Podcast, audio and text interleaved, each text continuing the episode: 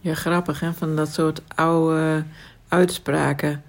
Ik zat te denken van, ik kom uit Friesland, ja, wat schiet er dan bij mij er binnen? Maar ik weet niet of het nou typisch Fries is, maar... ehm, of tenminste, dat, het, of dat die uitspraak alleen in Friesland voorkomt. Maar ik weet bijvoorbeeld, ehm, een beetje briek is een meeske gelijk.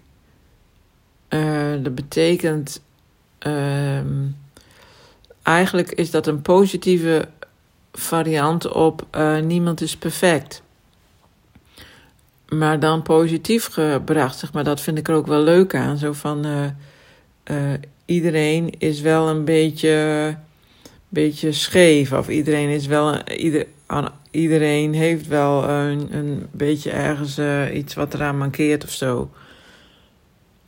Dus, ehm, ja, een beetje relativerend. En eh, nou ja, zo zullen er vast wel meer zijn. Ik zal eens over nadenken of er mij nog wat te binnen schiet.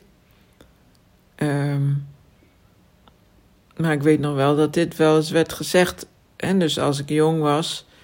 En dan eh, ben je onzeker hè, over de, of eh, je kleren wel goed zitten. Of dat je haar wel goed zit. Dat soort dingen. En dan zei mijn moeder dat wel eens.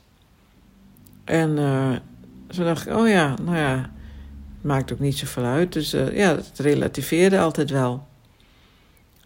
Nou, misschien komt me nog, schiet me nog wel iets te binnen, maar uh, dit is de eerste die er in mij opkomt.